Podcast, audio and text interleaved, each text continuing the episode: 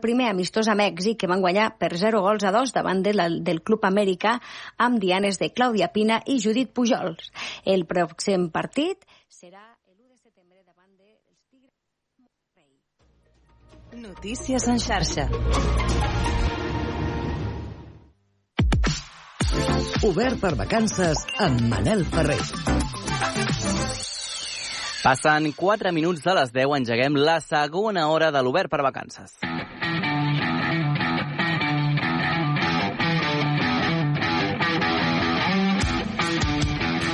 I ara ens n'anem fins a la Rambla de Figueres perquè aquesta nit es donarà el tret de sortida quatre dies de bona música pels carrers de la capital de l'Alt Empordà. Estem parlant del darrer gran festival de l'estiu, el Festival Acústica, un festival que omple de gom a gom la ciutat convertint-se en l'epicentre de la música de casa nostra i nosaltres no ens ho podíem perdre i al vell mig de la Rambla hi tenim a la nostra companya Mercè Mainer de Ràdio Vilafant i el regidor de Promoció Econòmica de Figueres, Manel Rodríguez. Bon dia als dos, com esteu? Bon dia. Bon dia, Manel. Escolta, Mercè, ja s'escolta l'ànim, ja, ja hi ha ganes eh, per la Rambla? Doncs sí, eh? estan treballant tots eh, els tècnics i els muntadors d'escenari tot a, a, a tope i això ja es respira uh -huh. acústica per tots costats la ciutat. Que bé, escolta, Manel, avui de Manel a Manel, la primera pregunta. Està tot a punt ja per aquesta edició d'aniversari del Festival Acústica que celebra ja el seu 20è aniversari, oi? Doncs sí, eh, ho tenim tot a punt. Eh, la gent de l'acústica ha fet una gran feina, tenen tots els, els escenaris preparats i aquesta nit s'aixeca el taló i, per tant, us convidem a tots a vindre a gaudir de la bona música que aquests dies, sens dubte, omplirà tots els espais centrals de la ciutat i farà les delícies de moltíssima gent que gaudeix amb la música. Segur que sí. Uh, en, en Manel, ara tu, Manel, comentaves a l'inicici doncs, que es tracta d'un festival que omple de, de goma amb la ciutat. Uh, des del consistori teniu comptabilitzat quanta gent uh, pot passar per la ciutat aquests dies? Doncs, eh, si ens fem referència a edicions anteriors, l'any passat, per exemple, van passar entre 100.000 i 120.000 persones. I és aquesta xifra la que ens creiem que aquest any inclús es pot superar, ja que és el 20è aniversari. Per tant, seran segurament més de 100.000 persones les que passaran durant aquests quatre dies per tots els escenaris de l'acústica i per la ciutat. Vull afegir que en, que en aquests moments pràcticament la capacitat hotelera de la ciutat està al 100%. Eh? Totes les habitacions dels hotels del centre de la ciutat estan eh, plenes, els apartaments turístics també registren una gran ocupació i és que, sens dubte, el festival porta molts visitants de més enllà de les nostres contrades a la ciutat. Doncs déu nhi eh? Aquestes xifres que ens comentaves és un festival molt esperat pels eh, figuerencs i figuerenques, però també per tota Catalunya. Què suposa, Manel, per la ciutat acollir un festival tan consolidat com l'acústica i que fa apropar a gent d'arreu fins a casa vostra? Doncs per la ciutat és un gran orgull. És un orgull de ciutat perquè Figueres, no oblidem que els promotors del festival són figuerencs mm. i per tant són d'aquí, del nostre, de casa nostra, i des de bon principi van creure en aquesta idea i jo crec que han fet un dels, sens dubte, actes culturals més importants que es fan al país al final d'estiu i que omplen la ciutat de bona música, que donen oportunitats als grups joves i que donen molt de joc a tota la gent de Figueres, de l'Empordà i d'arreu per vindre a la ciutat a disfrutar. Clar, l'acústica està plenament consolidada, com, com comentava ara, ara el regidor, i tots la tenim al cap, no?, com és el festival, tots hi hem vingut, a, mm però per si algú que no hagi vingut mai en aquests 20 anys d'història de l'acústica, com la definiria l'acústica? Eh, jo diria que l'acústica és un esdeveniment cultural únic que omple durant quatre nits al centre de la ciutat amb diferents escenaris, amb música, que pots moure entre aquests escenaris, mm, assistir a diferents estils musicals i sobretot sembla realment que la ciutat bulli, bulli, bulli de gent i hi ha més gent inclús a la nit que de dies. Per tant, és una impressió de, de gran festa, de gran esdeveniment i que sens dubte s'ha consolidat com, un, com això, com un gran esdeveniment. Mira que durant el dia hi ha moltíssima gent per Figueres, per exemple, doncs, no, avui que és dijous, eh, doncs, eh, és dia de mercat també a mm. Figueres, eh, és impressionant que hi hagi més gent de nit que de dia, no? Sí, sí, són quatre dies que s'han de viure, eh? eh? Jo dic que els figuerencs aquests quatre dies podem convidar els nostres amics coneguts que vinguin a la ciutat, que disfrutin amb nosaltres, els convidem a casa, els convidem a veure bona música i realment podem allò que es diu lluir de ciutat, eh? és un d'aquells moments que la ciutat fa molt de goig i que per tant és un d'aquells moments d'orgull figuerenc mm. que fa que tothom pugui dir a un amic o una amiga o conegut vine a Figueres que anirem a veure Stay Homes o anirem a veure Miqui Núñez aquest any o anirem a veure els tiets, eh, si ho dic en català, o de Tallets, o com vulgueu dir-ho, perquè i, i realment això és únic i és un moment ideal per convidar amics i perquè la nostra joventut s'ho passi en pipa, perquè jo crec que el jovent disfruta moltíssim de l'acústica i és un moment que esperen durant tot l'any. Clar, ara, ara comentaves doncs, que aquest, aquest, aquesta programació, ha dit alguns dels grans noms de, del cartell d'aquest any, però és un festival que també aposta pels grups de, de casa, que també ho comentava, eh, grups quilòmetre zero, i a més a més aquest any amb una aposta pel podcast en directe, eh, amb un escenari doncs, dedicat a, a veure, a gaudir dels podcasts, on també participarem, veurem companys nostres de, de Figueres i, i de Roses. Mm -hmm. Podríem dir que això és un valor afegit a més a més, no?, d'aquests grans noms que ara comentaves, no, Manel, que sí. hi hagi aquesta aposta pel quilòmetre zero, no? Sens dubte, sens dubte. L'aposta pel quilòmetre zero, que ja ha estat des del primer dia, s'ha anat incrementant.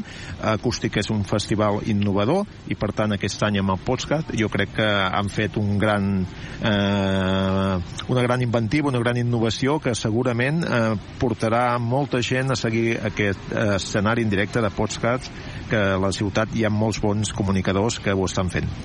Doncs això seguríssim eh, que sí. De fet, eh, Manel, explicàvem que ets eh, regidor de promoció econòmica, entre moltes altres coses, i aprofitant que avui estem a, Figueres, ara seguirem parlant del Festival Acústica, però per què la gent no s'ha de perdre Figueres? Què té Figueres que ho fa especial? Aprofitant que segurament hi haurà gent que vindrà motivat pel festival, però ja que estem al territori, ven una mica la, la ciutat. Bé, eh, Figueres és la capital de l'Alt Empordà. Eh, tots sabeu que l'Alt Empordà és un paradís amagat. Eh? Eh, jo, jo sempre dic que l'Alt Empordà és com la Toscana o la Provença, però no tenim la publicitat que tenen ells i per tant gaudim d'una un, comarca privilegiada. Figueres com a capital és una capital cultural.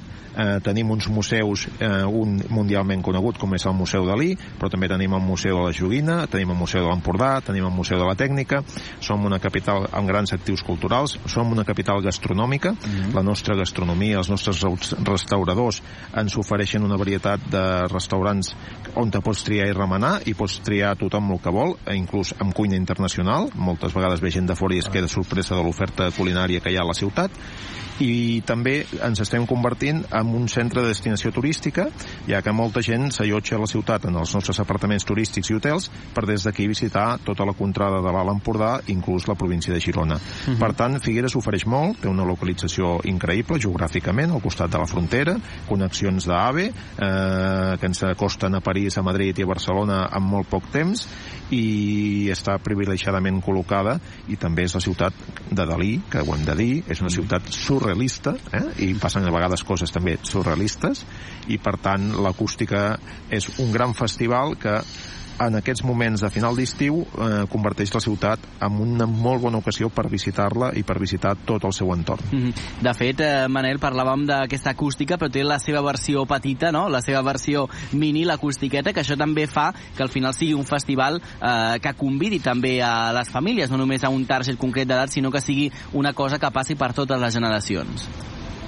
Eh, sí, l'aposta per l'acústiqueta eh, jo la veig molt interessant perquè eh, moltes vegades es converteix en la primera experiència musical mm. d'aquesta mainadeta que acudeix al festival acompanyada de la, dels pares i les mares i les famílies i que és una gran aposta innovadora que també es va fer en el seu dia i que la mantenim i que permet aquesta eh, intergeneració entre les, totes les diferents àmbits de familiar, des dels més petits als més grans, perquè l'acústica és un festival que gaudeix d'aquesta salut, té programació tant per una mainadeta petita de, de, a partir de 4 anys com per una persona de 90 i pico d'anys que vulgui gaudir de la música i hi ha programació per tots els gustos. Per tant, l'aposta per, per, per, per l'acústiqueta és imprescindible. Mm -hmm. Clar, a més a més, sempre és la llavor, no?, de, de, de, de també de que la mainada doncs, agafi eh, doncs, aquest costum de consumir cultura, no? Correcte, és la pedrera, eh, que dic jo.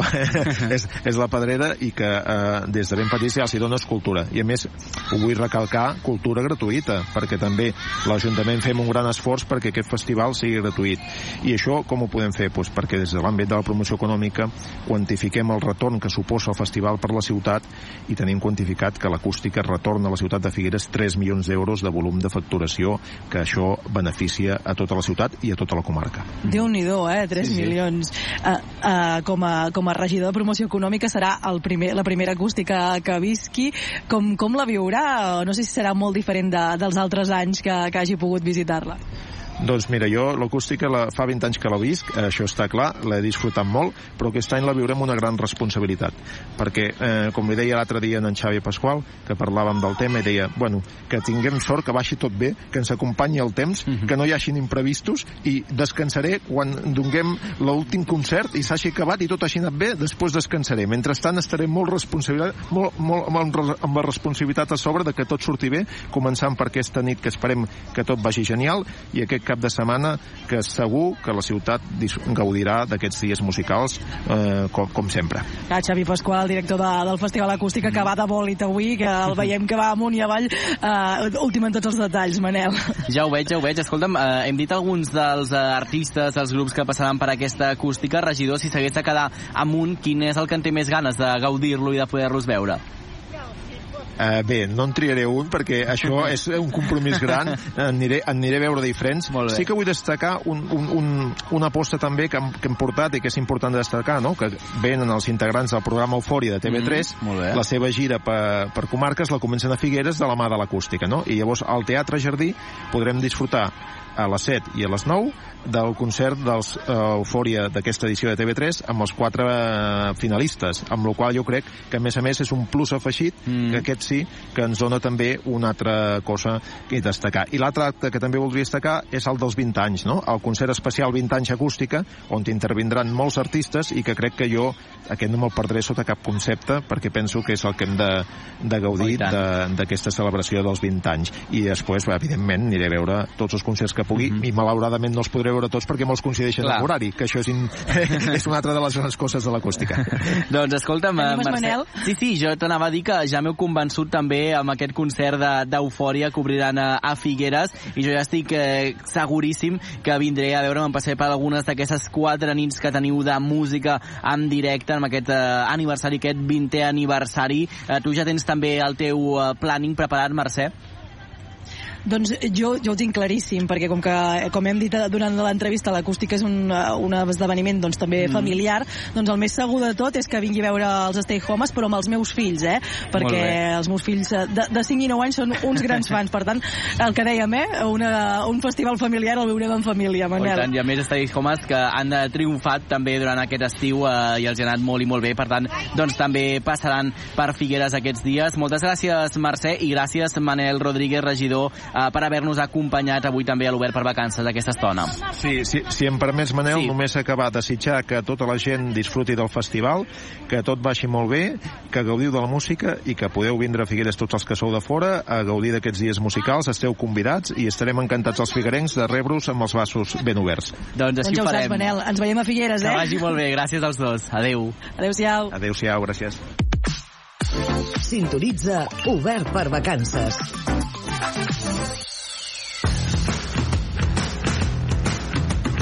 Passa un minut d'un quart d'onze del matí i també arriba el moment d'encetar el darrer tastet del Terra de Pa. Avui el Jordi Morera visita el forn de Nulles i conversa amb Jordi Gas, que ho han donat com a jove artesà alimentari i exemple de reivindicació professional. Recordeu que si sou panarres teniu tot un món per descobrir a la xarxa més, la versió televisiva del Terra de Pa.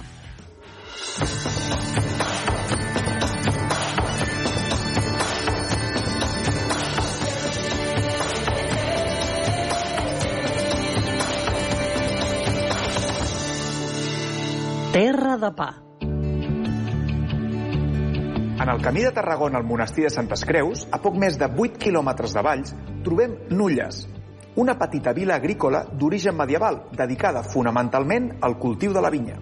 D'aquesta dedicació parla l'edifici més emblemàtic de Nulles, aquest celler modernista dissenyat per César Martinell a principis del segle XX, com a seu de la cooperativa vinícola del poble i conegut com la Catedral del Vi.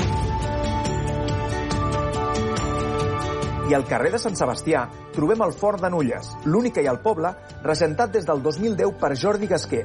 L'antic propietari es jubilava i en Jordi, que amb 28 anys s'acabava de quedar sense feina com a encofrador, va imaginar un nou futur professional dins la fleca. El vell forner, a més de donar-li les claus de la botiga, li va ensenyar les bases de l'ofici. Un coneixement que el Jordi no ha deixat d'ampliar fins a convertir-se en un referent de la fleca artesana, amb creacions tan innovadores com el pa i croissant de calçots. Ho comprovem de primera mà? Som-hi!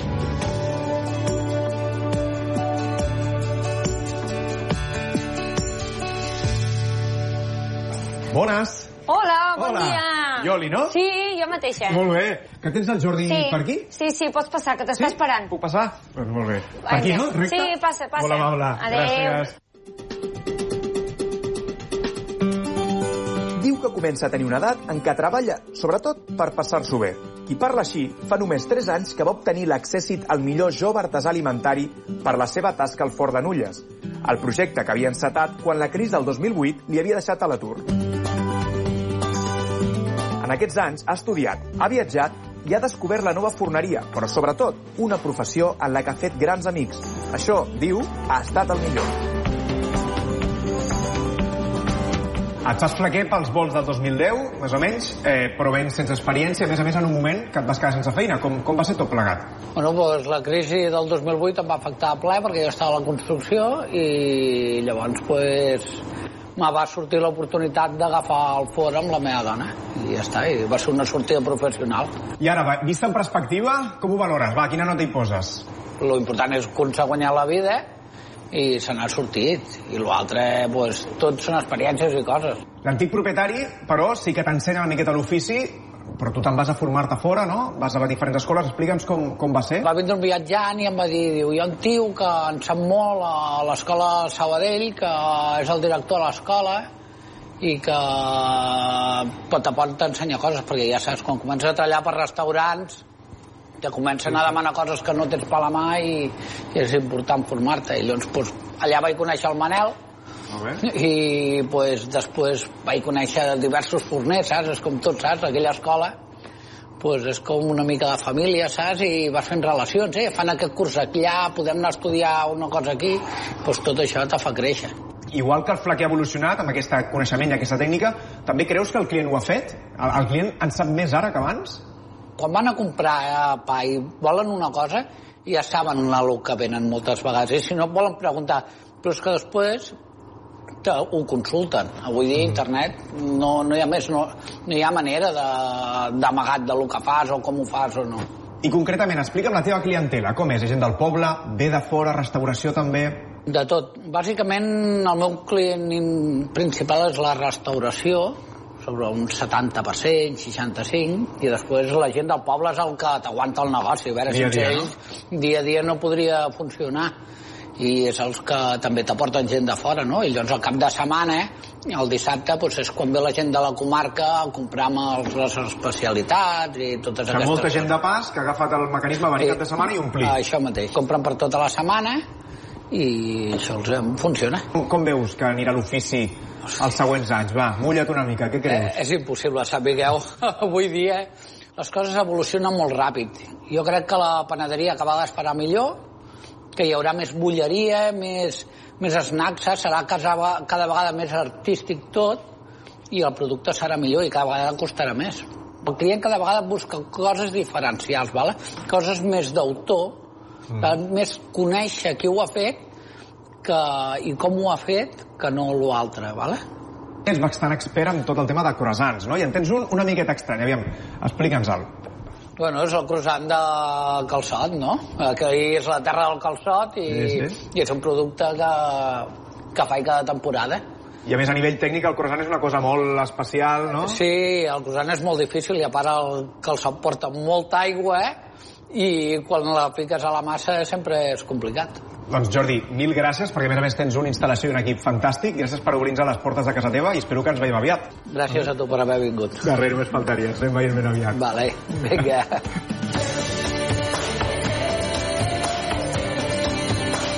Terra de pa. Terra de pa, gràcies eh, al Jordi Morera, que va ser, per cert, un dels primers convidats d'aquesta temporada de l'Obert per vacances i que ens ha acompanyat cada setmana puntualment amb aquests tastets del Terra de pa. Com dèiem, eh, no perdeu l'oportunitat de veure, de gaudir i gairebé de trobar el sabor a la versió televisada del Terra de pa que trobareu a la xarxa Més. Obert per vacances. A la platja, a la muntanya, a la teva ràdio local i també a la xarxa més.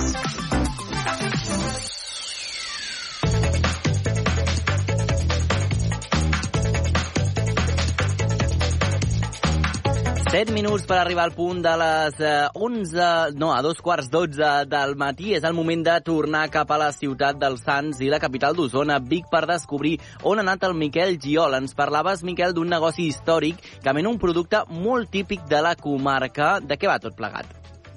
Doncs Manel, com, com molt bé deu saber, a Osona estem envoltats de granges, porcs i, i porcs. I abans de presentar la nostra convidada d'avui, eh, deixa'm que et faci una pregunta. Val. Eh, quants porcs eh, creus que hi ha a Osona? Perquè sí, el, els tenim comptats. Ostres, uh, els teniu comptats. Uh, Sí, tenim un cens, de fet. Val, més que persones. M'està apuntant el Marçal, el meu tècnic.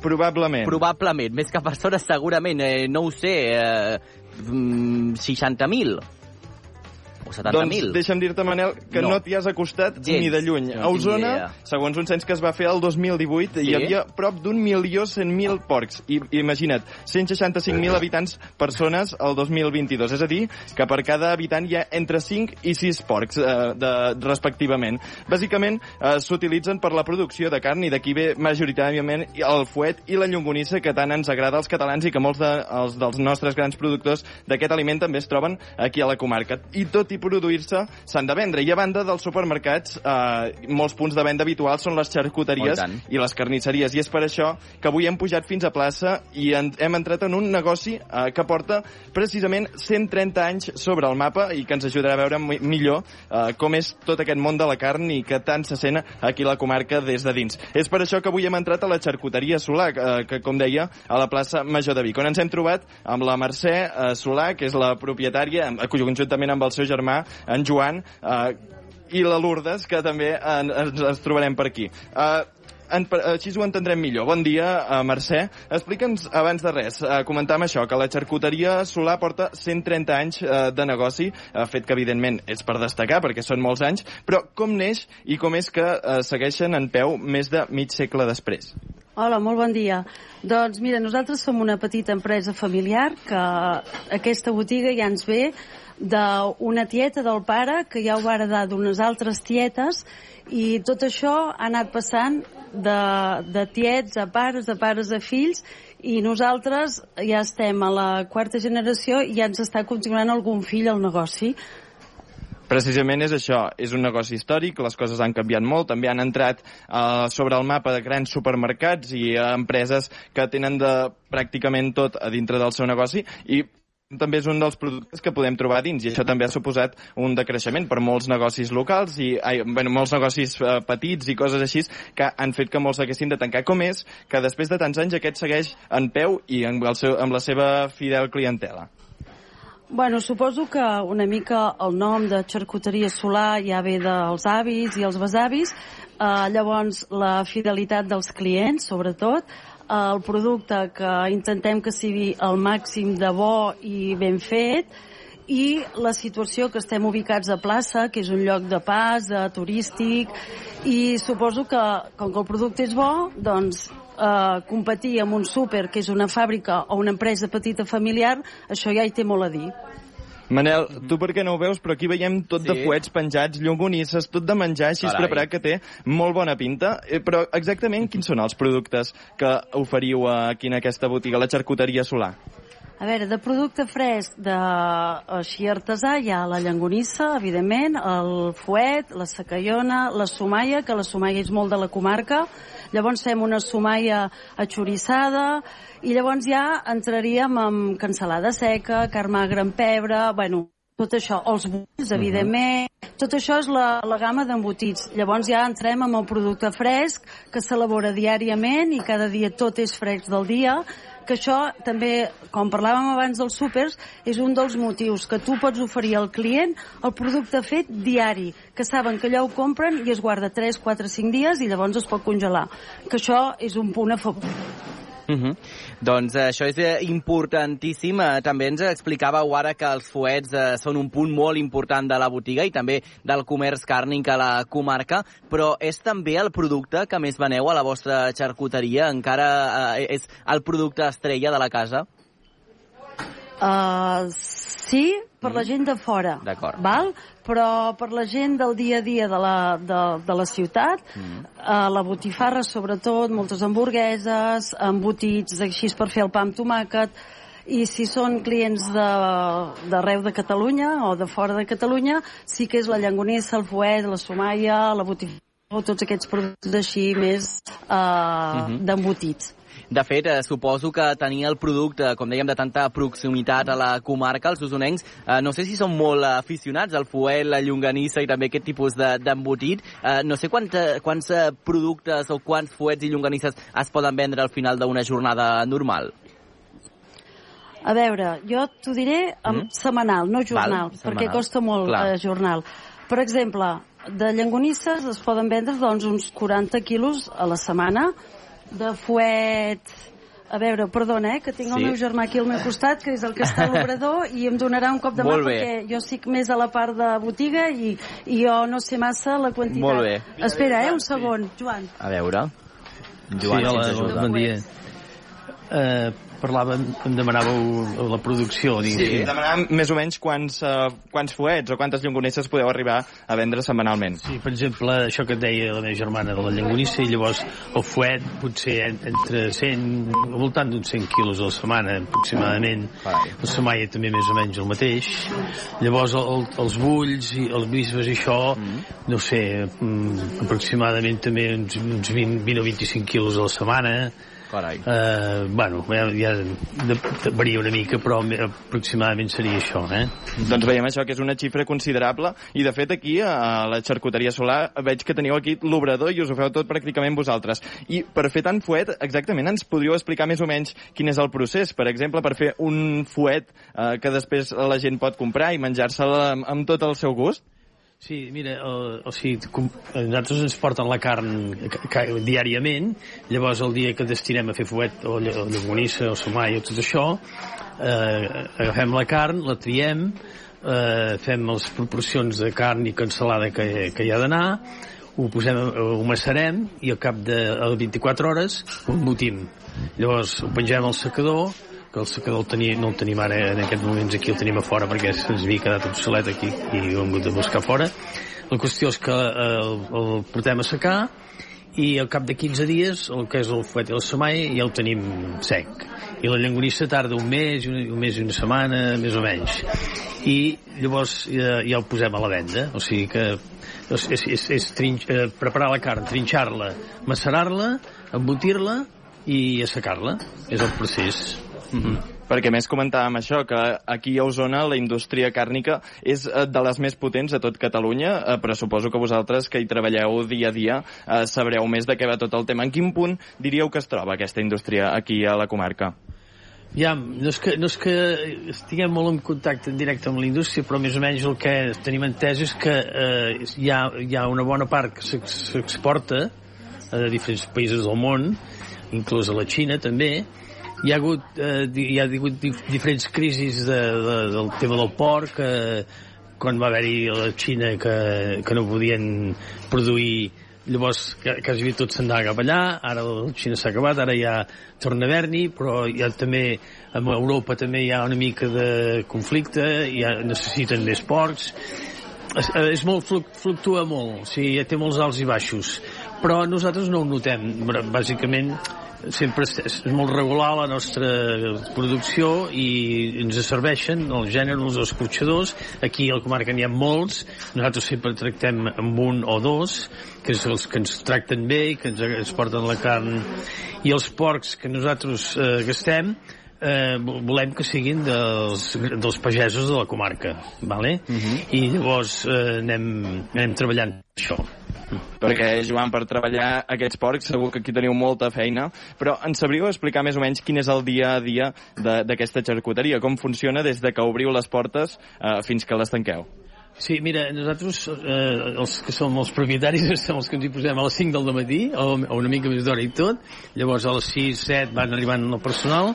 Ens arriba la carn de l'escotxador diàriament, eh, aproximadament allà a les 6 del matí, i llavors ja distribuïm els diferents tipus de carn a les càmeres o ja comencem a treballar-les i comencem a preparar eh, el que és la, la carn fresca, les, el, el, tot el, el tema per les hamburgueses que n'hi ha un pilot, eh, pinxos, eh, galtes, hi ha un, tota una sèrie de coses que s'ha de fer dia a dia. No? I llavors, eh, a partir de, la, de, de trinxar la carn i tenir la base, ja comencem a elaborar també les botifarres de, de molts tipus i eh, llavors sí, ho separem per dies. El, el, el dimarts fem un tipus de productes més de, la- de coure la parola el dimecres embotim el dijous tornem a coure o sigui, ja ho tenim distribuït que cada dia hi ha unes feines concretes a més a més del, del, del petit detall de la botiga no? Mm -hmm. Home, jo crec, Miquel, que és eh, molt important, aprofitant que, que esteu allà, que ens expliquin també com és el dia a dia de feina, eh, doncs, eh, en un dia normal de feina a la, a la botiga. A quina hora comencen, a quina hora comencen a rebre a la clientela, com preparen el producte, com es prepara el producte del dia següent, que ens expliqui una mica com és aquest dia a dia de feina. Sí, mira, eh, el personal que treballa amb nosaltres, els, els, els nostres ajudants, so, eh, venen eh, a les, a les, de, de les 6 a les 7, a les quarts de 8, en tenim uns quants, no? Mm. I llavors eh, cada un ja va preparant diferents, diferents àmbits de, de, de lo que venem. De, tenim una gamma de productes bastant extensa. I llavors la botiga eh, dos quarts de nou obrim, a vegades ja tenim clients que s'esperen, i eh, anem ja eh, despatxant fins a dos, quarts de, a dos quarts de dues. I la tarda fem de les 4 fins a les 7, que normalment eh, tothom tanca a les 8, però nosaltres vam optar per tancar a les 7 per poder tenir una mica més de temps lliure, no? I també pels treballadors i tot i bueno, eh, eh, els treballadors també tenim els que estan especialitzats per l'obrador i els que estan a la botiga el que passa que també intentem que tothom sigui molt polivalent que sàpiga tothom fer de tot no? perquè és una de les, de les coses que tenim que ens agrada Uh -huh. i bueno, més o menys aquest és el ritme de dia, de, des de dimarts fins a dissabte el dissabte és una mica més ens hi posem més d'hora i també tanquem més tard perquè hi ha el mercat aquí a la Clar. plaça de Vic i ve gent de fora, forasters i, bueno, Mm. i, i gent de tot arreu. Ens has explicat molt bé eh, com és aquest eh, dia a dia, com eh, treballeu. Vosaltres, com explicàvem al principi, porteu eh, molt de temps ja a sobre del mapa. No sé com heu viscut també doncs, l'evolució de la tecnologia. No sé si els processos eh, que elaboreu han canviat molt amb el suport de la tecnologia o encara intenteu mantenir una mica doncs, eh, la manera de fer d'anys enrere. Home, sí, ha canviat molt.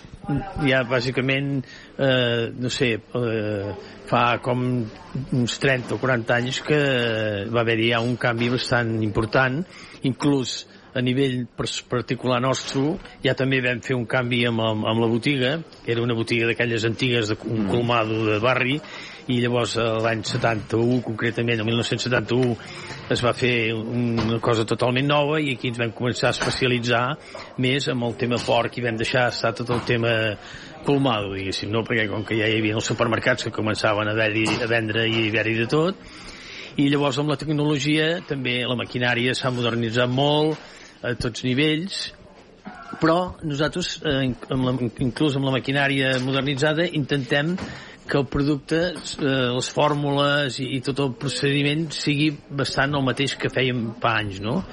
Perquè hem comprovat que si no canviem i fem les coses com hem fet sempre, mm. com feien els nostres pares i com feien els nostres avis, funciona i la gent els agrada i, i per això ens man intentem mantenir-nos amb, amb aquesta línia, no?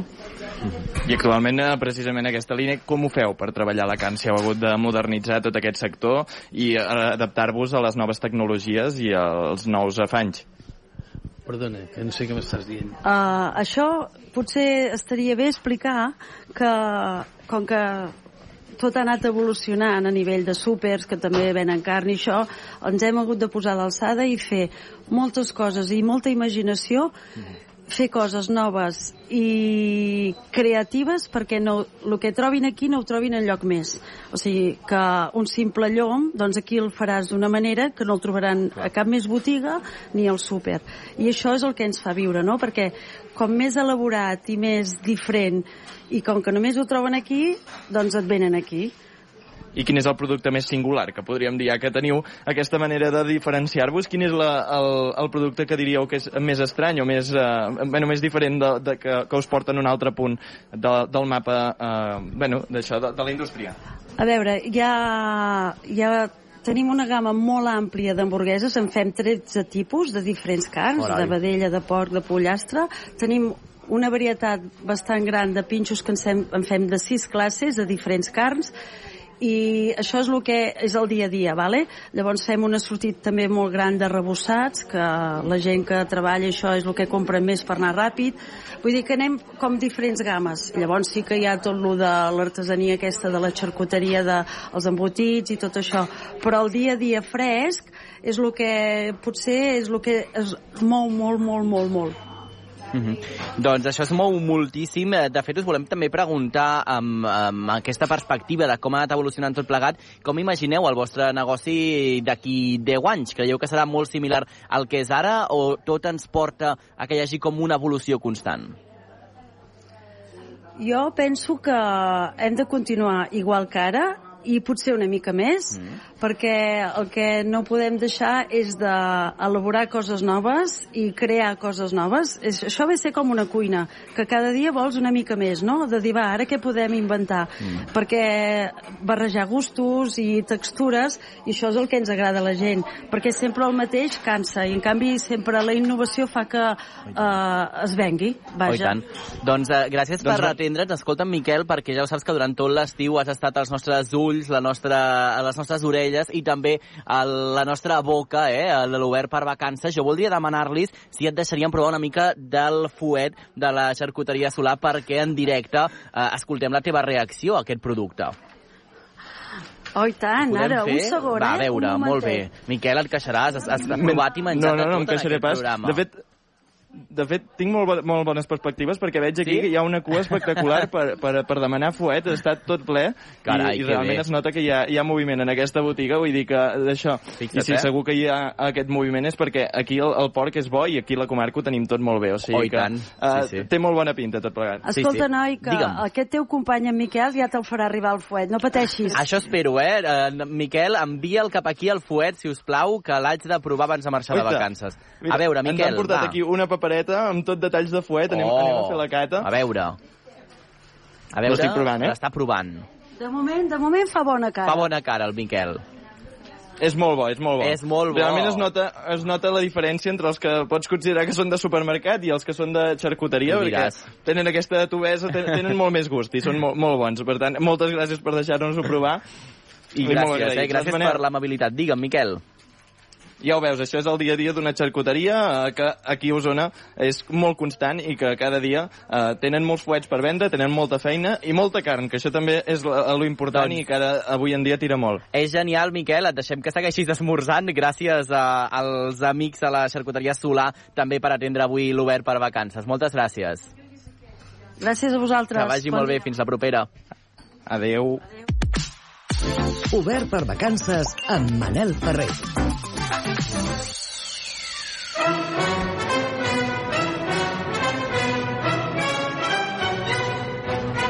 La dona immòbil és el gran hit de Giuseppe Verdi, una melodia pensada per enganxar-se. La periodi... enganxar... enganxar-se.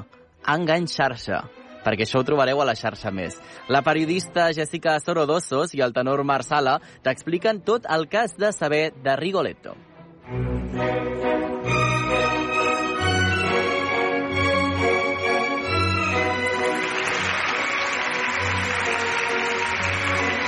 Jessica, hola, mira, saps què em va passar una vegada? Mm, a veure, estava a França cantant Rigoletto, de Verdi, Mm. val? i uh, va venir en uns assajos un grup de nens d'una escola per, perquè coneguessin l'òpera i tal.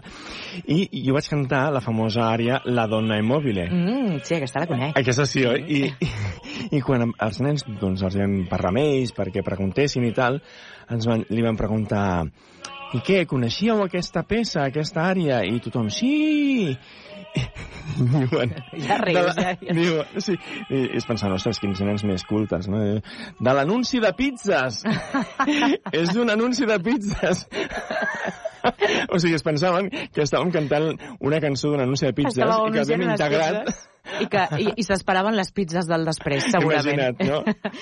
Home, això ja demostra que és una, és una obra molt popular. Eh, Efectivament, exacte. És que Rigoletto i La dona immòbil, que és el, el, un dels hits d'aquesta òpera, doncs eh, va ser molt popular. Tant és així que Verdi, quan va composar Rigoletto, eh, al voltant d'aquesta òpera també va, va composar La Traviata Mhm. i Il Trovatore. I aquestes tres òperes es coneixen com la trilogia popular de Verdi. Marc, i si avui parlem de Rigoletto, què hem de saber? Si no coneixes Rigoletto, has de saber que és una òpera amb música de Giuseppe Verdi i amb el llibret, el text, de Francesco Mario, Maria Piave, eh, que forma part d'aquesta trilogia popular, Traviata i Trovatore i Rigoletto, que no tenen res a veure entre elles, però van ser composades de manera eh, successiva i van ser tan populars que van fer que Verdi es convertís en el més gran compositor d'Itàlia i potser del món. Aquesta òpera es va estrenar al Teatre de La Fenice, a Venècia, al març de 1851, i està basada en Le Roi s'amuse, el rei es diverteix, de Victor Hugo. Igual que la Traviata, aquí el protagonista és un marginat, un desfavorit social, i destaca doncs, per la, prof la profunditat psicològica del, del paper de Violetta, no? la relació entre pare i filla, que també és una cosa que surt bastant a les òperes de Verdi, i els problemes de la censura. Mm, Què és això? Explica una miqueta, què, què va passar? Doncs bé, això ho explicarem millor quan sentim el programa sencer, Mm eh, perquè això és només una, una, un, un tastet, diguéssim, però hi havia una, molta crítica a l'aristocràcia, a la reialesa, perquè el protagonista, el duc de Mantua, és un seductor llibertí, amoral, i aleshores, clar, això diguéssim que hi havia bastanta censura. De fet, l'obra de teatre de Victor Hugo només va resistir l'estrena, perquè tan bon punt van estrenar li van censurar l'obra. Mm, I aquesta sí que va passar... Aquesta va passar la censura perquè Verdi va tenir que fer una, una sèrie de concessions i de canvis que també parlarem en el capítol sencer. Llavors, la peça més coneguda, la que coneixem tots, és la Donna Immobile. La donna immòbile, sí, és el hit d'aquesta òpera. És el hit d'aquesta òpera, et diria que és un dels hits més grans de la història de la, de la música universal. Tothom la coneix i tothom potser inclús s'ha atrevit a cantar-la a la dutxa, Mm, sí, no? Sí, ja, ja, ja et dic que sí, amb aquella ressonància que ajuda una mica. Ajuda, no? Els que no tenim la, veus com la teva. bueno, o, o tant se val a la dutxa, tot s'hi val. La qüestió és que la, la dona immòbil efectivament va ser un hit perquè va ser buscat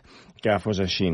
Era com la cançó del, del, de l'estiu, eh? la cançó enganxosa que matxaca, fins al punt de que Verdi va prohibir assajar-la massa, no fos cas que fessin spoiler, no? que acabessin... Perquè ja sabia, Verdi, que la gent sortiria xiulant aquesta melodia, sortirien xiulant aquesta melodia al sortir del teatre. Aleshores, per què ho fa així? Perquè el, per un sentit dramàtic, no perquè sí. No, vull dir, el personatge que canta aquesta peça és el duc de Màntua, que és un llibertí, frívol, que vol simplement divertir-se. I per això canta una cançó a la taverna eh, que parla de, de, de dones i de llibertat i de amb una melodia frívola, amb una melodia fàcil, enganxosa, on el hit, diguéssim, està, l'èxit, està en això, en la simplicitat. La És el, simplicitat. el, el, el, el referent eh, de grans autors, d'autors sí. que ara doncs, fan grans hits de l'estiu, per exemple. No? Per exemple, què té en comú? Doncs que són cançons que entren molt ràpid, eh, que s'enganxen, però que a cap d'un temps acabes ja fart, no? Perquè potser et surt per les orelles. Però, a veure, eh, clar, aquí, aquí dius, on està la grandesa, no?, de Rigoletto, doncs està la grandesa que tens aquest hit comercial, però la resta de la música, sobretot, mira, fixa't com es diu aquest, aquesta òpera no es diu el Duque de Mantua, Mm. es diu Rigoletto, que és el baríton. El baríton és el protagonista d'aquesta obra, és el personatge psicològicament més interessant, és el que té també les melodies més interessants, perquè no només és... Eh, més profund, sinó la música és molt més elaborada i molt més interessant. Per això tu t'enamores d'aquesta òpera per, rigol, per la dona immòbile, vull dir, vas, t'enganxes per la dona immòbile, però t'enamores i te la fas teva per la resta de la música de, de, de, que canta Rigoletto o Gilda. Mm -hmm. Però tot això ho explicarem... Sí, ho explicarem molt millor el capítol sencer. Ara, de moment, només quatre pinzellades. Del cantant d'òpera. I si us ha agradat i voleu escoltar més, això, no us perdeu el capítol complet de Rigoletto. També podeu anar al perfil de Propera Spotify, on hi trobareu una llista de reproducció amb una selecció dels millors fragments d'aquesta òpera. Així que seguiu-nos per estar al dia dels nous capítols. Bona òpera! Bona òpera, Marc, i deixem la dona immòbile. Sí, cantada, a més, per un bon company, que és l'Antoni Guiteres, tenor, uh Mhm. -huh. amb l'Orquestra Sinfònica del Vallès, en una gravació en viu que ens han cedit um, molt amablement, que això vol dir que en viu és com tirar un penalti, eh? no pots fallar, o sigui que és sense trampa ni cartró, sentim el tenor Antoni Guiteres. Bona òpera.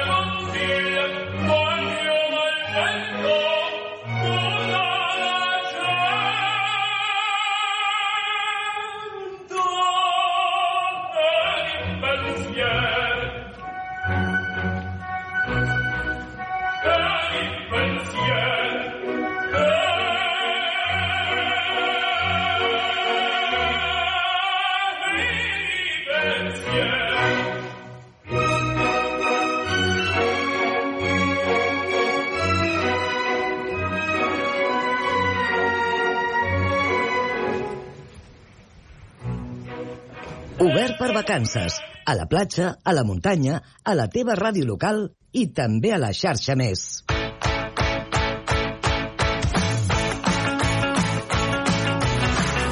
A 11 minuts per arribar just a les 11 és el moment de conèixer i de repassar la nostra agenda cultural d'arreu de Catalunya, com sempre amb la col·laboració de l'Àlex Riba. Molt bon dia, Àlex, com et trobes avui? Molt bon dia, Manel. Ja estic una miqueta millor, eh? No sé si se'm nota la veu. Una mica, diré que sí, una mica per, perquè no baixin aquests ànims i avui ens toca conèixer de nou nous plans arreu del territori. Per on començarem? Començarem per la Costa Daurada i més concretament per Salou, on avui arrenca la 28a festa del rei Jaume I. Uh -huh. Com pots imaginar, Manel, és una festivitat en honor a aquest monarca. Però el més important és que durant aquests dies Salou per moments torna a l'època medieval. Entre els actes a destacar de la celebració hi ha un mercadet d'artesans, un seguici popular amb vestits d'època o fins i tot espectacles de dansa i foc. L'origen de la festivitat és super interessant, però m'estimo més que ens ho expliqui el regidor de festes de Salou, Xavier Montalà. No només és una festa com a tal, sinó que a part eh, vol recrear una època que va marcar un abans i un després del nostre municipi, ja que el rei Jaume I surt de Salou per conquerir Mallorca l'any 1229 i des de llavors aquí a Salou sempre ho hem portat a dins. Per tant, és una festa on tothom hi és benvingut, tothom hi és ben rebut i trobarem un canvi d'un Salou modern a un Salou medieval. Si amb les activitats que t'he explicat abans no en tens suficient, mm -hmm. doncs que sàpigues que del 8 al 10 de setembre tindrà lloc la 37a regata del rei Jaume I, dirigida, com no podia ser d'altra manera, pel Club Nàutic Salou.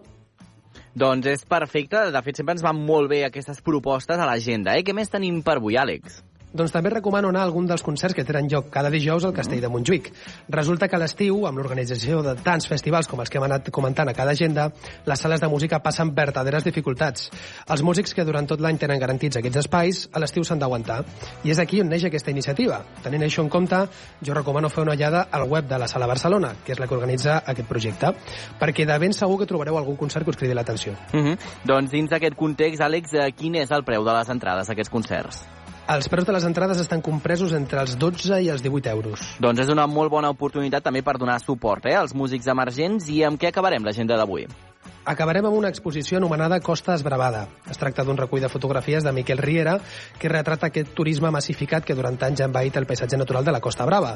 D'aquí ve el nom de la mostra. A més de fer una comparació, l'exposició vol fer una miqueta de pedagogia i anàlisi al voltant d'aquesta problemàtica. Doncs eh, ja ho sabeu, eh? una exposició molt necessària i el més important, on podem veure-la? Es pot visitar fins a l'11 de setembre al Museu de la Pesca de Palamós. Per cert, l'entrada és completament lliure. Doncs és genial, entrada gratuïta, entrada lliure, una oportunitat que no podeu deixar perdre. Gràcies, Àlex. Fins demà. Fins demà.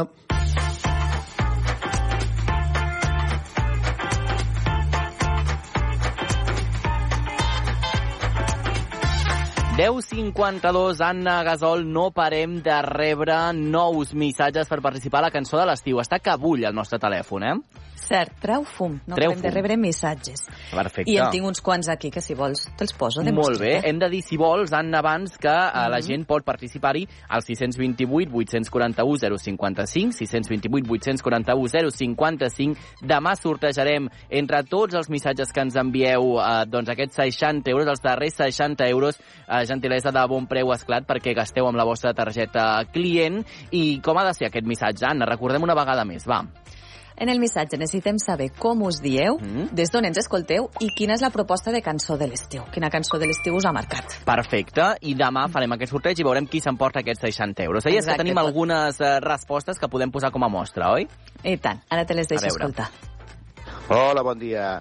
Uh, mira, sóc en Josep Maria de, del Maresme. Uh, era bueno, per, la meva, per la cançó de l'estiu. La meva cançó de l'estiu és Alegria, d'Antònia Font. Ah, I, bueno, doncs el motiu és pel, pels records que em porta de, dels estius de, de ja fa uns quants anys. Mm. I res, doncs vinga, moltes gràcies. Gràcies a tu. Molt bon dia, el meu nom és Mireia, us parlo des de Vallmoll i bé, per mi un clàssic de l'estiu és la barbacoa de Jordi Dan. Apa, vagi bé. La barbacoa. Hola, bon dia. Bon dia. El meu nom és Caterina. Ai, m'encanta el nom. Soc i visc a Tarragona i la meva cançó així que recordo com a molt divertida és la del Chipirón. Eh, recordo l'estiu que es va posar de moda i tothom saltàvem a la plaça de l'Ajuntament el Chipirón. És que és Vinga, que vagi molt bé, adéu, bon estiu. Cançó de festa major. Molt bona aquesta, eh? M'encanta. I, home, també han fet referència a George Dan, que jo crec que és el rei, amb permís d'aquí en Àfrica, eh, de les cançons de l'estiu, eh? El Georgi és el rei, amb permís també de detalles. és veritat, és veritat que ja aquest premi se l'haurien de disputar entre uns quants, eh? Sí, sí, tindríem aquí una bona rivalitat. Doncs és veritat que durant molt de temps ha estat la cançó de l'estiu, però ara certament els Detallets doncs, aquest estiu s'han emportat realment eh, el premi absolut de la cançó de l'estiu. També haurem de veure, Anna, si aquesta cançó de Detallets acaba sent, com per exemple dèiem ara, la Barbacoa o moltes altres, si perdura amb el pas del temps, que això també mm, voldrà dir i voldrà indicar-nos si és una cançó de les de sempre ja, eh? Clar, ha, ha, ha d'esdevenir un clàssic. De moment Clar. és cançó de l'estiu aquí a l'Obert i aviam si esdevé, si esdevé un clàssic o no. Escolta, que abans Digue'm. t'he fet el pòdium, sí. però Detallets hauria estat el primer, el segon i el tercer lloc, però jo només he volgut contar el coti per coti, però és que amb la Oh, platja i tant, oh, i tant. s'enduia la plata, eh, també. I fixa't, Anna, que jo em pensava al principi d'aquest estiu que la cançó que guanyaria o que estaria entre les més altes seria la del tobogan, però la del tobogan sembla que ens va donar com molt fort el juliol i a poc a Sí. poc s'ha anat diluint a mesura que ha anat passant l'estiu, eh? Doncs és cert, mira que té una lletra divertida, Sí, la sí, del sí, sí, tobogan. sí, sí, i reivindicativa a la vegada. Doncs escolta'm, marxem amb en Chipirón, si vols, no? Escoltant-la. Vinga, tots los días sale Todos el sol. sale el sol, Chipirón. Chipirón, i demà tornarà a sortir el recop al sol, tornarem amb l'Obert per vacances, darrer programa d'aquesta temporada d'estiu. Ai, Anna, Manel. serà complicat aquest dia, Serà eh? serà complicat, complicat, però el superarem plegats i el viurem plegats perquè serà una gran festa, no en tingueu dubte, no us el podeu perdre demà a partir de les 9 i 4 a la vostra ràdio local. Marxem, doncs, menjant xipirons, escolta'm, que jo crec que és un planazo, Anna. tant. que vagi molt bé. Gràcies, Anna, i gràcies a vosaltres. Fins demà, que vagi bé. Todos los días sale sol, chipirón. Todos los días sale sol.